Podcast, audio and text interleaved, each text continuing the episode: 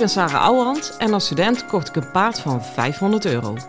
Toen hij 22 was, startte ik hem Grand Prix. Hij had nog nooit aan de teugel gelopen, dus het ging allemaal niet vanzelf. Het enige wat ik zeker wist was: never quit. Ik verslond alles wat ik kon vinden over de biomechanica van ruiter en paard. Dat testte ik net zo lang totdat ik wist wat echt werkte. In deze podcast leer ik jou alles over je rijtechniek, je houding en zit en je mindset. Want ook jij kan naar de Grand Prix gaan, zelfs als je geen miljoenenpaard hebt.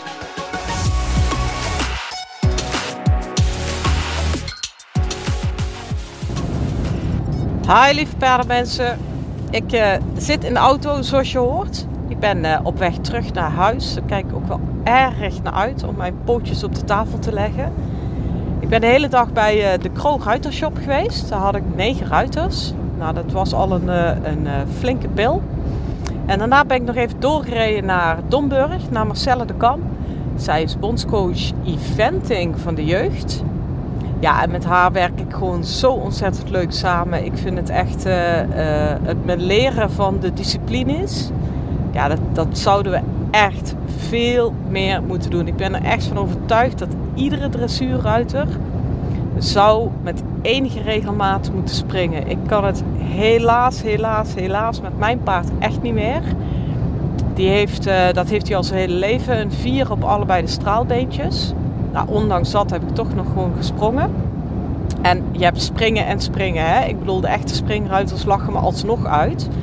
Maar gewoon de, de hindernissen en het tellen tussen de balken en het naar voren denken en, enzovoort. Dat heb ik allemaal met hem gedaan.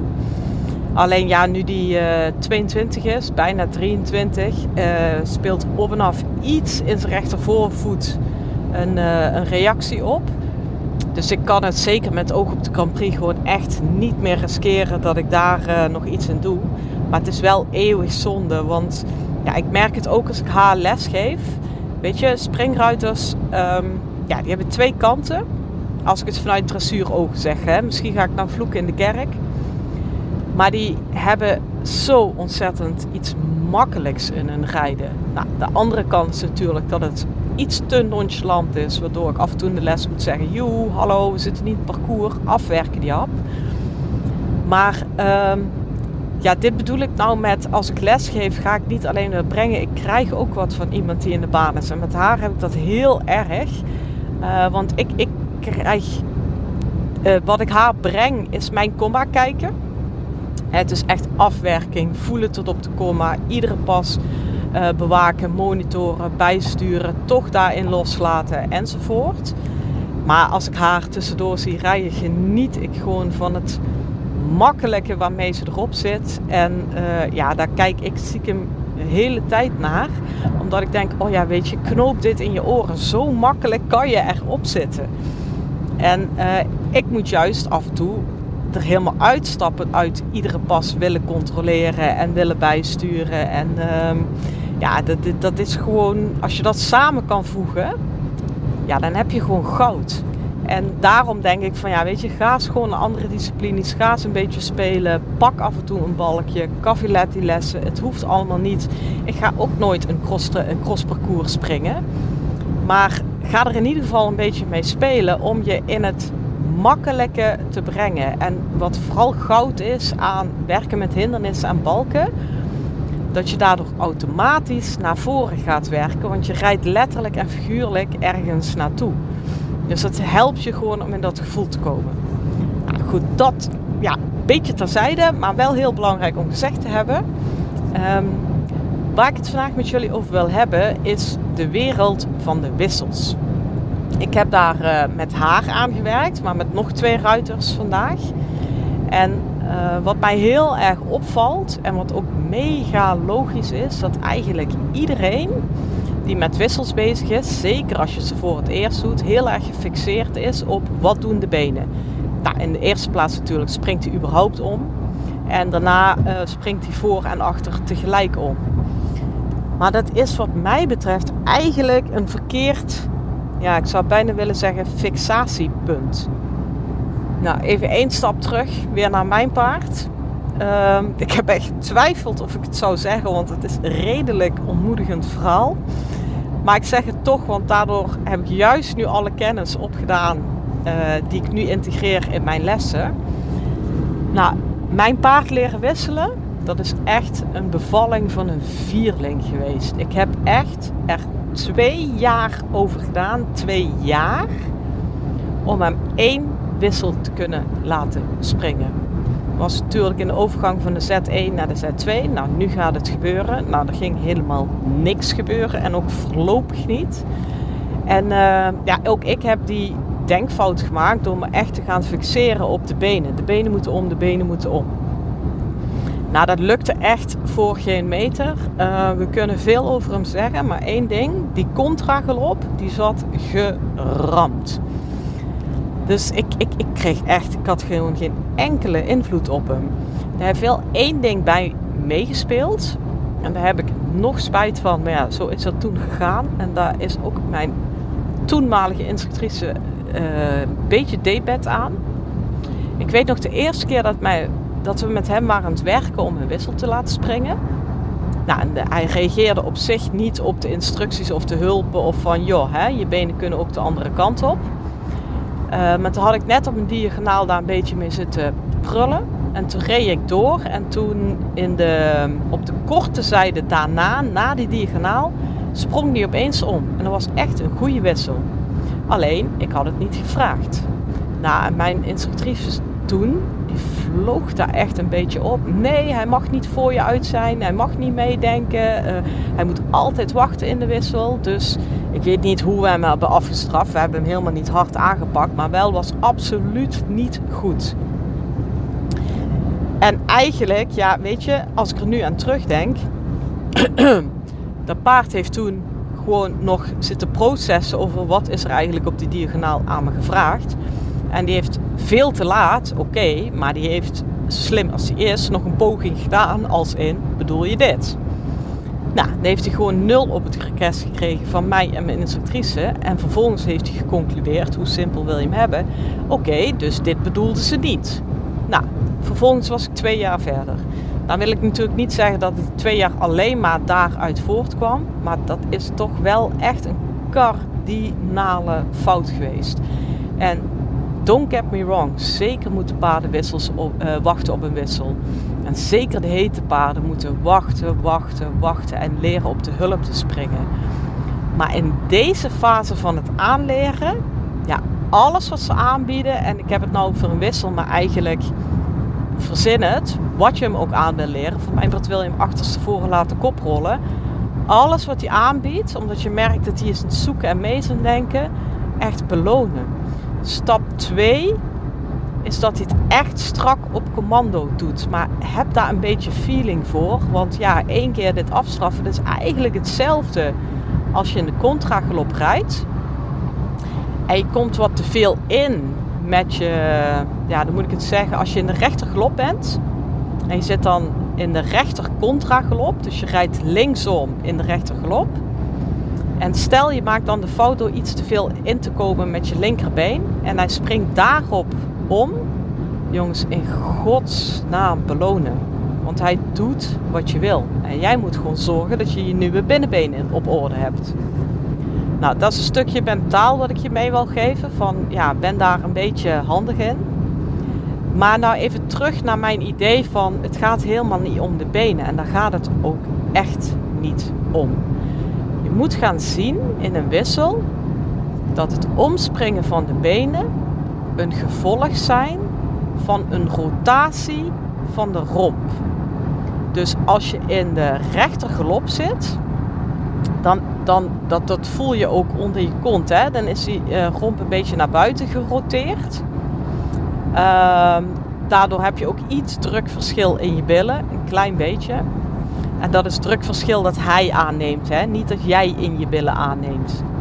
En als je dan naar links springt, is waar het begint in zo'n wissel, dat je de romp de andere kant op roteert.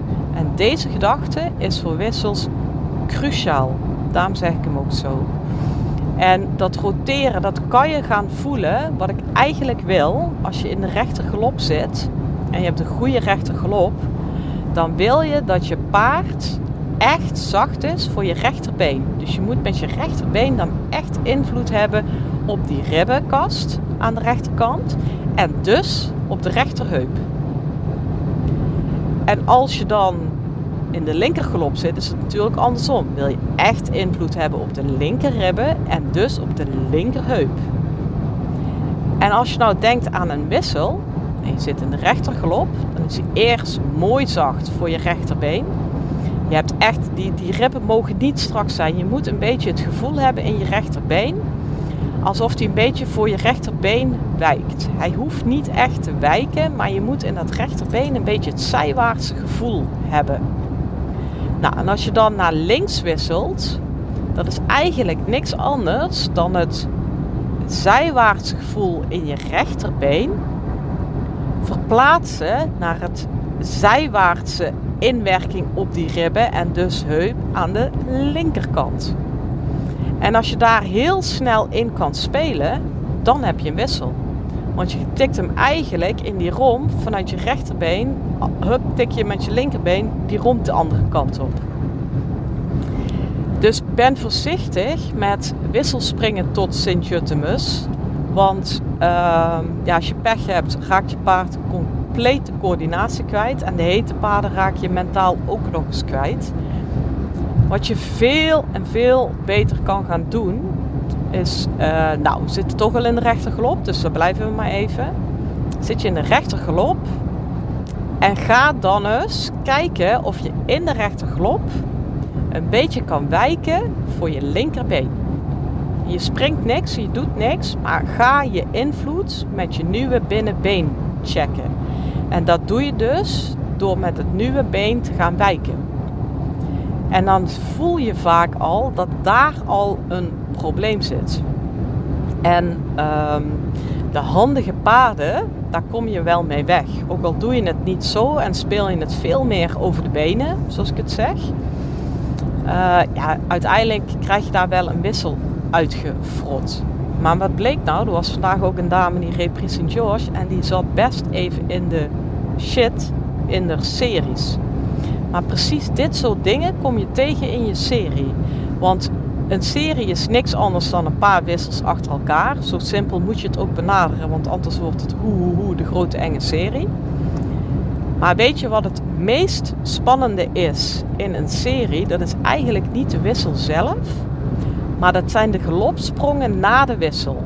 En laat ik het even makkelijk houden: een serie om de vier passen. Dan spring je van rechts naar je nieuwe binnenbeen naar links. Daardoor changeren de benen. Dat is de volgorde. En dan zit je dus in de linker galop.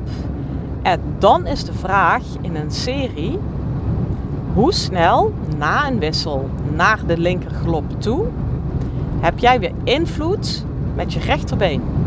Zodat je die romp weer de andere kant op kan tikken. En uh, als een serie niet goed gaat, een beetje zwart-wit gezegd, maar ik durf het wel aan om hem zo te stellen.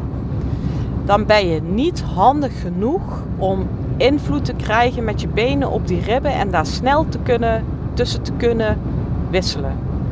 Want uh, ik noem maar iets, dan heb je de eerste eh, wissel is dan rechtergelop en dan spring je naar de linkergelop en dan moet je eigenlijk na vier passen weer omspringen. Maar je krijgt het dan niet gemanaged om in die vier passen voldoende invloed te krijgen met je rechterbeen. En uh, wat je heel goed kan doen om een serie goed te maken. En even, al, al denk je nu, ik ga nooit een serie springen, doe me in godsnaam maar één wissel. Toch blijf ik even doorzagen over die series. Want je moet begrip hebben van een goede serie. En dadelijk ook van de goede enes. Om één goede wissel te kunnen springen die echt van jou is door het lichaam heen en gecontroleerd. Um, wat een hele mooie oefening is, is als je in de linkerglop zit en dan wissel je naar de rechterkant. Dan zit je dus in de rechterglop. Als je daar achteraan nog een wissel wil plakken, moet je dus heel snel invloed krijgen met je linkerbeen.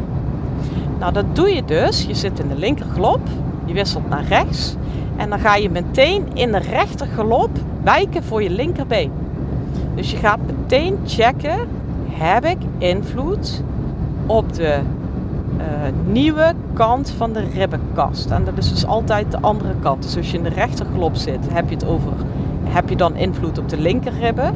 En als je op de rechterglop zit, uh, ja, en als je in de linkerglop zit, is de vraag, heb ik invloed op de rechterribben? Dus je kunt je wissels en uiteindelijk je series ontzettend verbeteren, eigenlijk zonder dat je één wissel springt. Je moet gewoon heel veel gaan kijken op een volte, bijvoorbeeld in de linkergalop.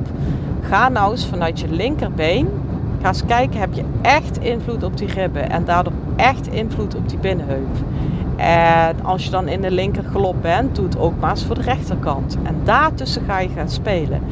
En hoe makkelijker je die invloed krijgt, dus ook hoe soepeler je paard wordt, hoe sneller je die invloed voor elkaar krijgt, hoe beter je dadelijk kan wisselen.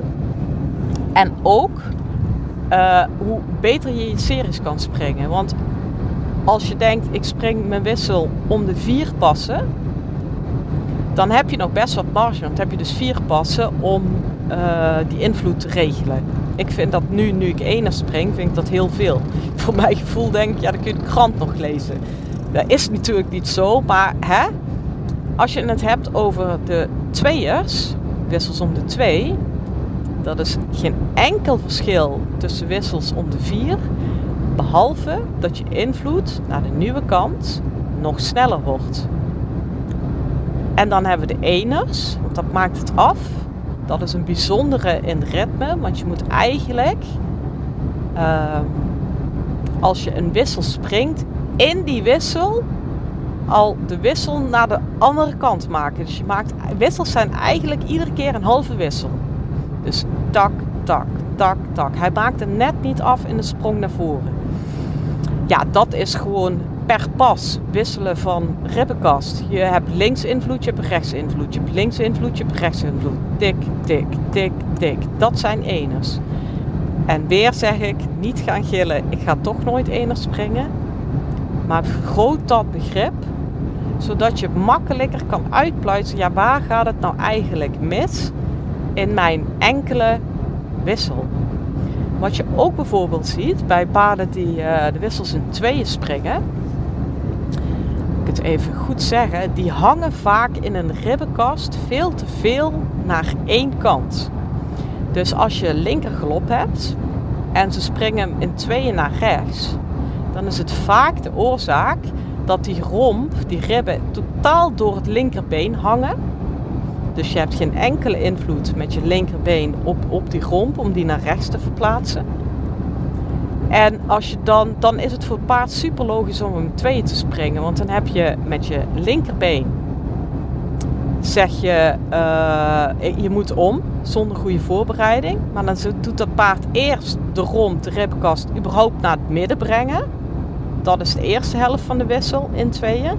En dan denkt hij, oh fuck, ik moet ook nog door naar rechts. En dan, dan pakt hij hem nog eens naar rechts. Dus hij moet eerst uit dat hangende gevoel van links en dan moet hij daarna nog een keer naar rechts. Terwijl als hij niet door die linkerkant heen hangt, dan heeft hij eigenlijk in één beweging tak naar rechts. Snap je hem? Ik denk dat het heel goed, zeker als je al wat met de wissels hebt zitten kloten, heel goed invoelbaar is. Als je er nou echt beeld bij wil hebben, ja, stuur me even een mailtje. Ik heb hier een kei mooie instructie in filmpje van. Dan zie je het nog beter. Maar je moet echt, en je kunt dus invloed hebben op die ribbenkast. En de benen volgen dan vanzelf. Als je die mindset pakt en vanuit die manier naar wissels gaat kijken, kan je echt heel veel verbeteren. Ik heb bijvoorbeeld eners. Nou, als je weet dat mijn ene wissel twee jaar heeft geduurd bij dit paard kun je je misschien voorstellen uh, wat voor klusje het was om hem de eners te laten springen. Ja, en op het moment zelf heb ik natuurlijk wel gebaald en gevloekt en met buikpijn naar huis gereden na een les. Maar nu ben ik er alleen maar super blij mee, want dat heeft me nog een keer duidelijk gemaakt hoe zit een wissel nou in elkaar. En uh, wat ik op een gegeven moment ben gaan doen, weet je, je gaat op een gegeven moment kom je in frustratie terecht. Of laat ik het bij mezelf houden, ik kwam in frustratie terecht En ga hem toch van links naar rechts ja, trekken, duwen, sjorren. Eh, als je maar lang genoeg loopt te kloten, kom je daar vanzelf in terecht. En op een gegeven moment heb ik echt gedacht, ik ga helemaal niks doen. Cut the crap. Ik ga nu de diagonaal op in stap. En ik ga in stap voor elkaar krijgen dat ik iedere pas linkerbuiging, rechterbuiging, linkerbuiging, rechterbuiging per stappas. En echt alleen maar door mijn linkerkuit even een keer aan te tikken aan de buik. Linkerbuiging, rechterkuit een keer aan te tikken aan de buik, rechterbuiging. En dat is precies wat ik bedoel met die invloed op die ribbenkast. Nou, als je dat voor de grap een keer gaat doen, dan ga je nooit wisselen. Sowieso een hele mooie oefening voor iedereen. En toen merkte ik in stap uh, dit klinkt nou heel simpel, maar hoe moeilijk het al was. Want het is echt tik, tik, tik, tik. Je hebt geen enkele marge om te compenseren. Dat is de moeilijkheid van eners.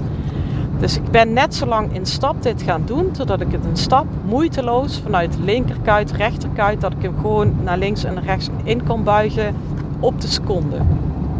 Ja, weet je, en dan heb ik pas voorwaarden. Dan is het nog geen garantie van, oh ja, springt even de enes. Maar toen had ik pas voorwaarden in het gebruik van mijn hulpen. Om überhaupt enes te kunnen laten lukken. Check bij jezelf ook eens, doe het een stap. Heb ik eigenlijk wel invloed echt op die ribbenkast vanuit mijn kuit? Uh, doe het in draf. Doe het in de gewone glop. Doe dat allemaal zonder dat je wissel springt. Want dat houdt je uit de frustratiezone. En bij paarden is het ook nog zo, als we meerdere keren in twee hebben gesprongen, ja, je bent gewoon echt aan de beurt. Want als ze dat eenmaal doen, ben je nog niet jarig. Dus los van dat je het zo beter rijdt, is het ook echt gewoon in het belang van het paard om het goed aan te leren. Heel erg belangrijk om daar echt de tijd voor te nemen. En wat je zelfs kan doen om, om een wissel te verbeteren, en dan ga ik me afsluiten met deze ontzettend leuke uh, opdracht, die ik morgen ook meteen weer met mijn eigen paard ga doen. Ga eens in stap, in schouder binnenwaarts rijden in die positie. En dan draaf je in schouder binnenwaarts goed naar voren toe aan. Dus dat het paard echt leert van uit de buiging echt een lange pas naar voren te maken. Ook nog. Want ook dat is een wissel. Het is vanuit een buiging een lange pas naar voren maken. En niet lang in het frame, maar gewoon lang in het voorbeen. En als je dat in galop doet, heet dat dus een wissel. Maar die manier van bewegen, die kan je al op 10.000 manieren anders oefenen. En één daarvan is dus vanuit de schouder binnenwaarts aandraven. Met behoud van de schouder binnenwaarts positie. En met behoud van uh, zachtheid voor je binnenbeen. En als je dat linksom kan, net zo makkelijk als dat je rechtsom kan. En je probeert daar ook nog een beetje mee te pielen in de galop. Dus dat, je, dat kan je ook nog doen. Dat je aandraaft op de lange zijde in schouder binnenwaarts. En dat je op de eh, lange zijde dan vanuit schouder binnenwaarts aanspringt in de linker galop. Of rechtsom aanspringt in de rechter galop. Dan vergroot je echt je invloed op de ribben vanuit je kuit. En die invloed, hoe, hoe sneller, hoe groter, hoe groter de kans is op slagen van de wissel.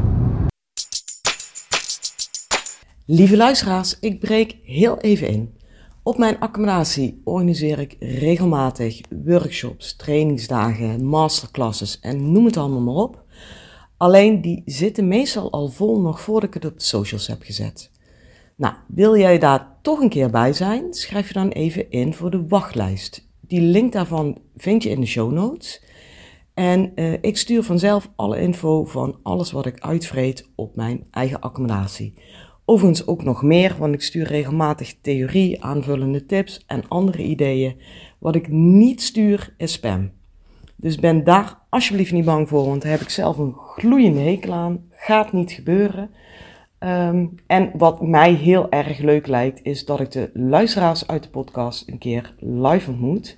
Dus voel je vrij om je in te schrijven. De link zit in de show notes. Hoi hoi! Nou, ik heb hier enorm lang op gepuzzeld. Ik weet zeker dat dit werkt. Daarom wil ik hem jullie absoluut meegeven. Dit is wel een klusje aan zich, de wissels. Kom je er niet uit, weet je maar alsjeblieft te vinden.